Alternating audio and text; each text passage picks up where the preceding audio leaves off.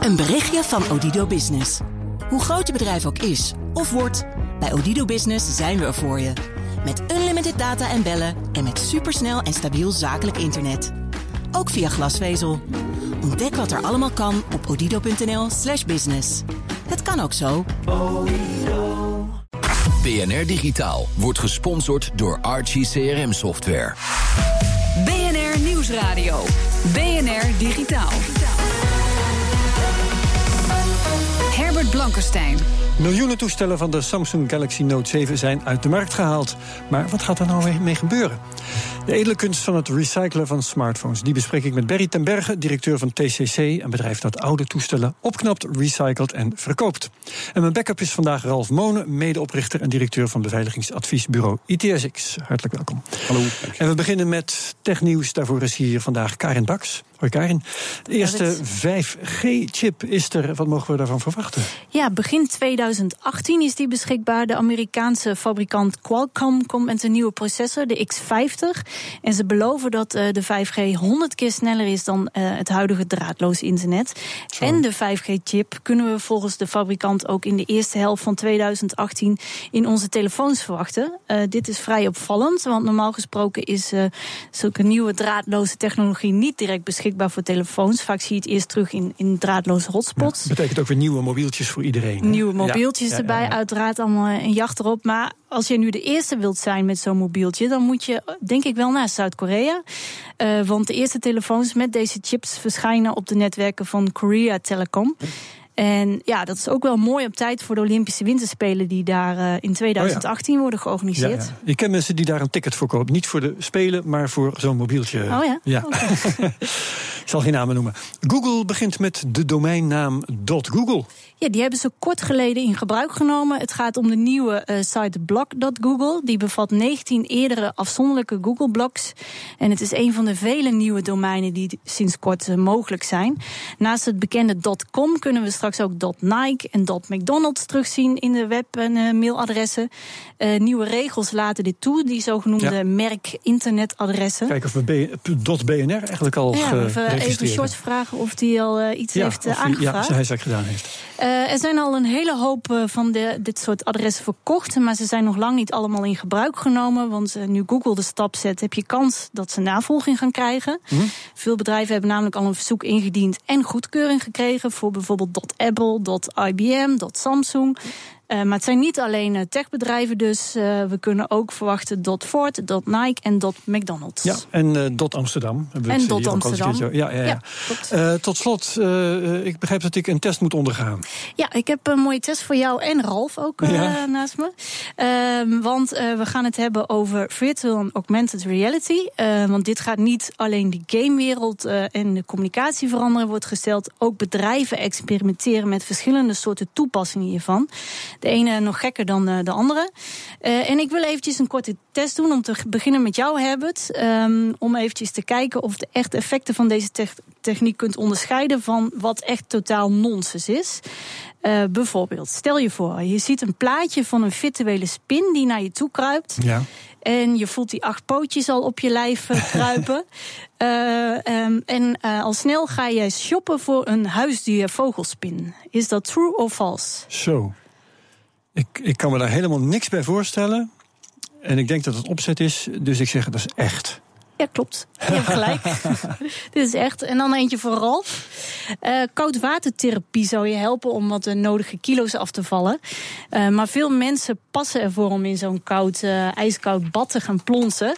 en nu melden wetenschappers dat een virtueel ijskoud bad genoeg is om je stofwisseling te misleiden. Is dat waar of niet waar? Ik kan me dat heel goed voorstellen. Ja, is waar. Dat is niet waar. Oh. dus 1-0 voor Herbert nu. Ja, ja. En uh, 2-0 voor Karin. Dankjewel. En... BNR Nieuwsradio. BNR Digitaal. Precies. En gaan al die toestellen van Samsung nou vernietigd worden? Of kunnen we veel onderdelen nog gewoon hergebruiken? Hoe ziet dat recycleproces van een smartphone er eigenlijk uit? Begin daar even over tegen Sander Almekinderen van Hardware Info. Hallo. Hallo, hi. Uh, wat wij ons hier zaten af te vragen. We hebben al die Samsung-toestellen, 2,5 miljoen moeten uh, weg. Waarheen, daar gaan we het zo over hebben. Maar het probleem zat in de batterij. Dus waarom niet gewoon iedereen een nieuwe batterij geven? Ja, ja, dat zou je op zich zeggen. Maar kennelijk, kennelijk is er toch iets meer aan de hand. Anders dan, uh, was dat waarschijnlijk uh, de, de, oplossing geweest. -hmm. nog, nog los van het feit dat, het, uh, dat de batterij behoorlijk goed vastzit in zo'n apparaat. Dus dat het best een operatie is om die, om die te vervangen. Dus is, is die niet zo uitwisselbaar als die bij andere Samsung-toestellen is? Nee, nee, sinds, sinds vorig jaar zit, zit, hebben ze een zogenaamd unibody design. Dus kan, kan die niet meer open en zit, zit die er vast ingelijmd. Oh, aha. Um... Is dat, moeten we dat een ontwerpfout noemen? Of hebben ze gewoon dikke pech dat net in dit geval die batterij niet goed blijkt te zijn? Ja, op zich het is natuurlijk niet echt een ontwerpfout. Er worden al ja, sinds jaar en dag uh, unibody uh, smartphones gemaakt en die doen het allemaal, allemaal prima. Dat de, de S7 van Samsung zelf en de S6, daar zijn nooit problemen mee geweest. Dus daar, daar ligt er niet zozeer aan. Ja. Uh, het is, het is een, het, ik denk dat het een, een, een eenmalige, tenminste ik hoop dat het een eenmalige actie is. Ja, oké. Nou, dankjewel voor deze informatie, Sander Almekinders. Um, ik van Hardware Info ga verder over praten hierover met Berry ten Berge, directeur van TCC. Bedrijf dat oude toestellen opknapt, recycelt en verkoopt. Um, wat vind jij? Um, is het inderdaad dom van Samsung om die batterij niet uitwisselbaar te maken? Want dan hadden ze toch echt een probleem minder gehad. Nou, ik denk niet dat het dom is. Het is gewoon een ontwikkeling in de markt natuurlijk. Dat is zoals het tegenwoordig gedaan wordt. Ja, dat is zoals het tegenwoordig gedaan wordt. Je ziet het ja. bij andere merken ook steeds meer dat de batterij gewoon niet meer vervangbaar is. Oké. Okay. Dus, uh, nou hebben ze dus uh, 2,5 miljoen. Ik kan me niet voorstellen hoe groot die stapel is eigenlijk. Dat moet, had ik eigenlijk moeten uitrekenen, maar dat heb ik niet gedaan. Um, maar 2,5 miljoen toestellen, wat gaan ze daarmee doen? Ja, dat hebben ze in eerste instantie nu teruggeroepen. In Nederland ging dat uh, vrij eenvoudig, omdat ze hier nog niet uitgeleverd waren. Ze waren nog niet in de consumentenmarkt natuurlijk. Ze stonden nog bij de distributeurs. Dat klopt, dat hebben we nog een keer gemeld. Dat ja, het dat langer ging duren. Ja, dat klopt. Dus uh, dat was een vrij makkelijke actie. Ja. Ik denk dat ze ze nu ergens lokaal gaan opslaan. En uh, dat ze eerst gaan kijken wat is er nu precies aan de hand. Ja. En vanaf daar. Uh, dat weten met... ze nog niet precies genoeg, denk ik. Daar is nog niet heel veel over bekend. Dat hmm. is nog iets wat nog onderzocht wordt volgens mij op dit moment.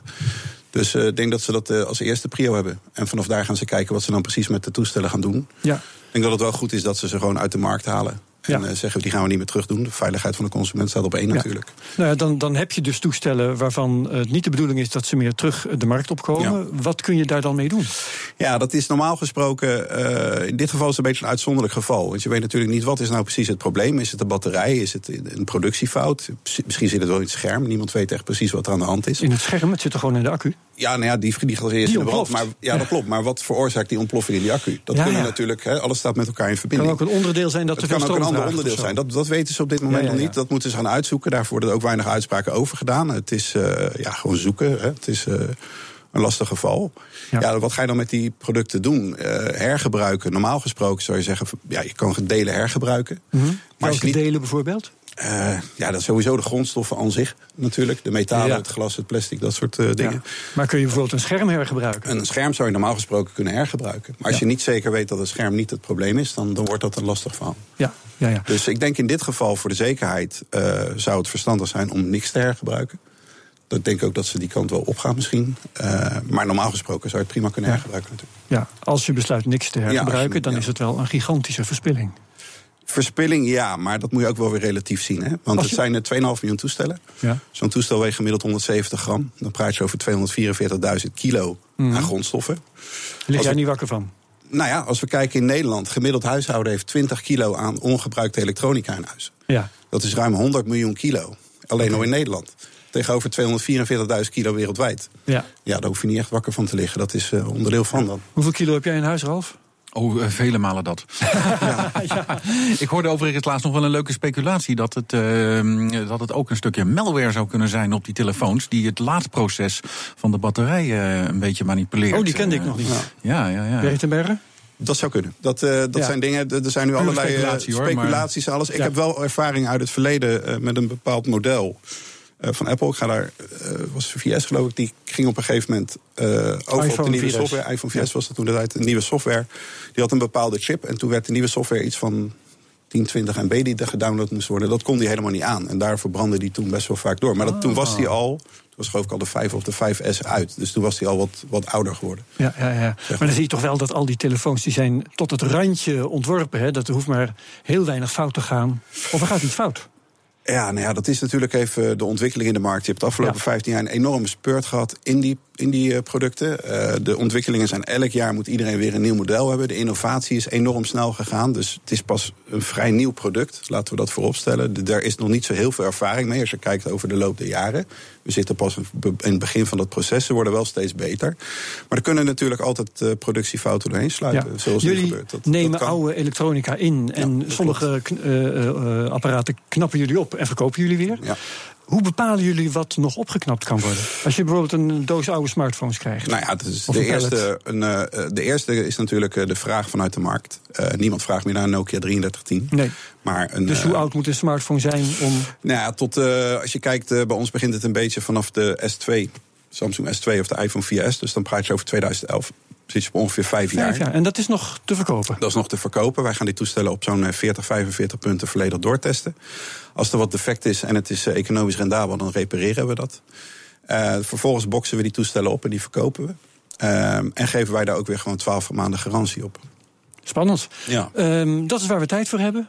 Bedankt. Heel Dank interessant dat uh, oude telefoons nog gewoon een nieuw leven kunnen krijgen. Berry Berger, directeur van Berry ten Berge, directeur van TCC, een bedrijf dat oude toestellen opknapt, recycelt, verkoopt. Creditcardgegevens die vanuit webwinkels zomaar doorgestuurd worden naar een Russische server, ontdekt door een Nederlandse onderzoeker. Straks. BNR Nieuwsradio. BNR Digitaal. Als je het laatste half jaar iets gekocht hebt via de webwinkel van de Republikeinse Senaat, en wie doet dat niet, dan is de kans groot dat je je creditcardgegevens zijn gestolen en gestuurd zijn naar een Russische server. Dat ontdekte Willem de Groot, hoofdbeveiliging van webwinkelbedrijf Byte. Hi there. Today I'm going to show you how the Republicans actually send your credit card to Russia. Let's say I'm a prospective Trump voter and I ended up on the side of the National Republican Senate Committee. Dat is de site van de Republikeinse Senaat. In de webwinkel van deze site kun je allerlei leuke anti-Hillary producten en Trump t-shirts en bekers bestellen. I go to the shop. Which looks okay. Let's have a look at the source code. A little bit down. Here.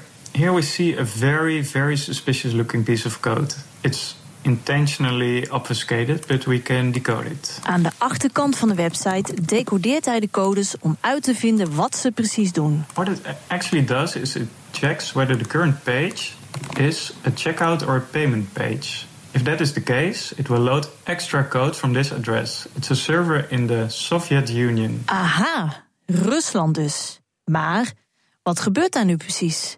De Groot neemt de proef op de som en vooruit, hij koopt een Never Hillary sticker. And we'll copy the special characters. And we can uh, decode them using Python. En dan moet die anti-Hillary sticker afgerekend gaan worden. It's not a complete program, but it kind of gives away what it does. It does a post, and here's another Russian address. Met een test creditcardnummer rekent hij af. Here we see that indeed the Russian PayPal logo was requested. And also here, this data was sent to Russia. It is again encoded, but we can decode it easily using base 64. En bingo, via de achterkant van de site kun je het letterlijke creditcardnummer en zijn persoonlijke gegevens terugvinden. Naar Rusland gaan die gegevens dus. En met wat verder speurwerk blijkt dit dan een half jaar zo te gaan. Thank you for watching. Dat was een bijdrage van redacteur Karin Baks. En het hele filmpje van Willem de Groot is te zien op bnr.nl/slash digitaal. BNR Nieuwsradio. Herbert Blankenstein. En het verhaal van Willem de Groot gaat verder, want hij heeft een hele lijst webwinkels onder de loep genomen. 300.000 in getal. 6.000 daarvan waren besmet. Dat hoeft dus niet alles te zijn, maar dat was het besmette deel van zijn steekproef. Duizend daarvan zijn intussen gerepareerd. Van die 6.000 waren 250 Nederlands en daarvan zijn er 150 gerepareerd. Dus je kunt zeggen dat de Nederlandse relatief gesproken zich iets sneller laten repareren dan de uh, websites, de webwinkels elders in de wereld. Ralf Monen, jij gelukkig dat je er bent. Je hebt verstand van security. Ja. Hoe kan een webwinkel besmet raken met code die creditcardnummers verscheept naar Rusland? Ja, nou, de meest voor de hand liggende mogelijkheid is een, is een aanval waarbij de content van die pagina's is aangepast. En daar een stuk uh, ja, kwaadaardige JavaScript in is gestopt. Ja, maar wat moet daarvoor mis zijn met zo'n website? Ja, dan moet je dus de, de achterliggende database kunnen aanpassen. En uh, dat kan dan met wat we noemen een SQL injection aanval. Waarbij je een, een database commando verstopt in een andere parameter. En als je dat niet goed beveiligd hebt, dan wordt de database commando gewoon uitgevoerd aan de achterkant. En als, de, als daarin staat, nou voeg dit stuk JavaScript toe aan deze, deze HTML-deel van de pagina, ja. dan, dan, doet hij dat gewoon. Dat, en dat is bij iedere eh, keer dat iemand zo'n bezoeker uh, die pagina opvraagt, wordt dat kwaadaardige stuk JavaScript dan gewoon meegestuurd. Ja, maar wat, wat is dan de fout die de websitebeheerder heeft gemaakt? Als je dat ehm, zo kunt zeggen, tenminste. Ja, nou, in ieder geval die SQL injection. Hè, dus dat, ja. uh, dat is gewoon een kwetsbaarheid. Uh, nee, maar, de meest voorkomende kwetsbaarheid. Welk luikje heeft hij dan open laten staan? Of wat, wat had hij anders kunnen doen? Um, nou, allereerst natuurlijk gewoon zijn boel testen. Dus zorgen dat voordat je een webwinkel in productie neemt en op internet zet, dat dat ook goed is getest. Ja. Um, dit zijn dingen die de ontwikkelaars eigenlijk van tevoren al zelf hadden moeten testen. Dus voordat je een webwinkel in productie brengt. Maar ja, 9 van de 10 keer gebeurt dat niet. En wordt er gewoon gebruik gemaakt van standaard software. Eh, waar die eh, kwetsbaarheden om de zoveel tijd in ontdekt worden. En ligt er dan uh, eraan dat je de software niet voldoende update, bijvoorbeeld? Ja, ja, ja. of dat die gewoon door een, door een ontwikkelaar die niet zo capabel is in elkaar is gezet. Ja, ja. oké. Goed, dat is helder. hier is ook Wijnand Jongen. Directeur van thuiswinkel.org, voorzitter van de Europese brancheorganisatie voor thuiswinkels. Hartelijk welkom. Uh, nog even een cijfer. Er vinden nog steeds 85 nieuwe besmettingen per dag plaats. Laat Willem de Groot ons weten. Wereldwijd is dat, dus niet alleen Nederlandse site. Wij linken trouwens naar de actuele lijst van besmette sites op bnr.nl. Uh, want die lijst die staat gewoon online. Mijn vraag aan jou, Wijnand, is: uh, hoe kunnen zoveel webwinkels dit lek hebben? Ja, het is natuurlijk eigenlijk ongelooflijk dat zoveel webwinkels nog altijd in deze tijd een dag uh, zoveel lekken hebben. En dat er ja. eigenlijk dus gewoon onvoldoende aandacht is voor de veiligheid van persoonsgegevens van eh, misschien wel het belangrijkste wat je, in je, wat je hebt. En dat zijn namelijk je klanten. Ja, ja. hebben jullie een boze brief naar al je leden gestuurd? Of uh, wat nou, doen jullie dat, in zo'n geval? Dat, ja, als, oh, zodra, zodra dat uh, bij, onze, bij onze leden van Thuis met Oog plaatsvindt, ja, dan, dan, uh, dan staan we er ja. helemaal. Nou, we hebben het nog niet gecheckt met jullie ledenlijst, inderdaad. Maar er, er zijn dus nu nog, een, ik geloof 87, ja. net gekeken. Nederlandse webwinkels zijn nog besmet. Kunnen dat leden van jullie zijn? Nou, ja, kijk, geen enkele website, geen enkele webwinkel is natuurlijk altijd 100% veilig. Maar nee. het zou wel bijna heel erg gek moeten zijn als dat een van onze leden zijn. Mm -hmm. Om, simpelweg omdat wij uh, als onderdeel van ons keurmerk Thuiswinkel Waarborg... wij, wij checken gewoon uh, webwinkels oh, op, ja, op, die ja, SQL injection. En op andere zaken, op die, open, die grote kwetsbaarheden, waar, iedere, ja, waar iedereen van weet van nou daar, daar zit de gevoeligheid. Nou daar testen wij onze leden, al onze leden, twee keer per jaar op. Ja, ja, ja. Oké, okay, um, nou is er een meldplicht datalekken. En die 250 Nederlandse winkels die bezet zijn geweest... die moeten dus met de billen bloot bij de autoriteit persoonsgegevens. Um, die autoriteit persoonsgegevens heeft ons verteld... dat er al meldingen binnen zijn. Uh, houden jullie wat dat betreft op een of andere manier de vinger aan de pols? Ja, van onze leden zouden wij dat uh, weten. Wij, wij ja. ondersteunen, helpen onze leden bij bij dat soort calamiteiten. Als dat gebeurt, dan, dan, dan weten wij dat. En dan helpen wij onze leden ook uh, op weg naar, uh, in de richting van de, van de autoriteit uh, Consumentenmarkt. Um, wij hebben daar op zich geen... persoonsgegevens bedoel Sorry, je? Persoonsgegevens, ja, ja, ja, helder. En op zich, op dit moment hebben wij daar geen aanwijzingen voor. Dus wij, wij denken ook dat er geen van onze leden hierbij betrokken zijn. Maar veel belangrijker vind ik dat er zijn natuurlijk zo verschrikkelijk veel webwinkels die ook weer die in de markt zijn, die daar eigenlijk gewoon he, onvoldoende aandacht voor hebben. Hoeveel webwinkels zijn er eigenlijk in Nederland? Nou, volgens het CBS uh, die schat het onlangs, onlangs in op zo'n 70.000 webwinkels. Wow, alleen Nederland? Alleen al in Nederland. Wow, ja, ja, ja. Nou is er dus die lijst. Je kunt dus nu gewoon opzoeken welke webwinkels besmet ja. zijn. Uh, vind je dat juist? Er is wat uh, controverse over geweest namelijk. Nee, ik vind dat wel juist. Uh, ja. Ik vind dat je gewoon met de billen bloot moet. Hè. Ik denk dat als, als, jij het, als jij zo onzorgvuldig omgaat met nogmaals de persoonsgegevens van, jou, van jouw klanten... Ja, en dat niet goed afschermt en waarborgt. En ik denk terecht hè, gesteld, dit, is gewoon, dit is gewoon, zijn gewoon beginnerszaken. Je, ja. moet het, je moet het gewoon goed aanpakken, goed regelen. Vooraf al, voordat je met je webwinkel eh, live gaat. En als je dat niet doet, als je daar onverantwoord mee omgaat... ja, dan moet je ook maar op de blaren zetten. Ja, Ralf Monen van ITSX, beveiligingsexpert. Is dat inderdaad correct om uh, uh, bekend te maken wie het hier betreft? Ja, natuurlijk. Ja. Absoluut. Um, kijk, de, de, de mensen van wie de persoonsgegevens en creditcardgegevens gejat worden... ja, die moeten natuurlijk beschermd worden. Ehm, en het is niet zo dat die onderzoeker uh, nu heeft geroepen hoe die sites uh, ja, gehackt kunnen worden. Hij heeft gewoon gezegd, deze sites die serveren malware op, pas op. En ja, dat is natuurlijk alle reden voor om dat uh, natuurlijk publiek te maken. Um, en hij is dan nog redelijk voorzichtig geweest. Hij heeft het vorig jaar al een keer geprobeerd, heb ik begrepen. Um, daar is niet echt heel erg op gereageerd toen. Nee, in november had hij, telde hij 3500 besmette sites en dat was sindsdien alleen maar toegenomen. Toen, heeft hij, toen dacht hij, ik uh, gooi de knuppel in het hoenderhok. Ja, nou dat had ik, als ik hem was, al veel eerder gedaan. Ja, je kunt jezelf afvragen, is het verantwoordelijk om zo lang te wachten? Maar goed, dat laten we dan maar even in het midden. Um, hij is vervolgens, hij, hij heeft uh, verschillende. Jij wou wat zeggen, ja, ja, Bergen van ja, TCC. Ik, ja, ik vraag me af. Hè. Je hebt uh, webwinkels. Iedereen begint tegenwoordig een webwinkel. Vaak mensen vanaf thuis. Je kan gratis webwinkel software downloaden, makkelijk installeren, je webwinkel inregelen en je neemt een domein in en je neemt een stukje server of een domein inclusief een stukje server en je gooit hem erop. Is eigenlijk niemand die je daarop wijst. Niemand die daarop let, niemand die het weet. In hoeverre is, is dat een oorzaak hiervan? Is daar te weinig kennis van? Wordt er te weinig op gewezen met dit soort pakketten? Nou, Ralf Molen download, je zet het neer, je richt het in en ga met ja, die banaan. Nou, ik, heb, ik heb die lijst bekeken van, van die webwinkels mm. die dus inderdaad besmet zijn. En, en, en ja, daar, daar zie je toch inderdaad wel dat er hele oude versies uh, gebruikt worden mm. van bepaalde software. Waar gewoon bekende kwetsbaarheden zoals die SQL injection in zitten.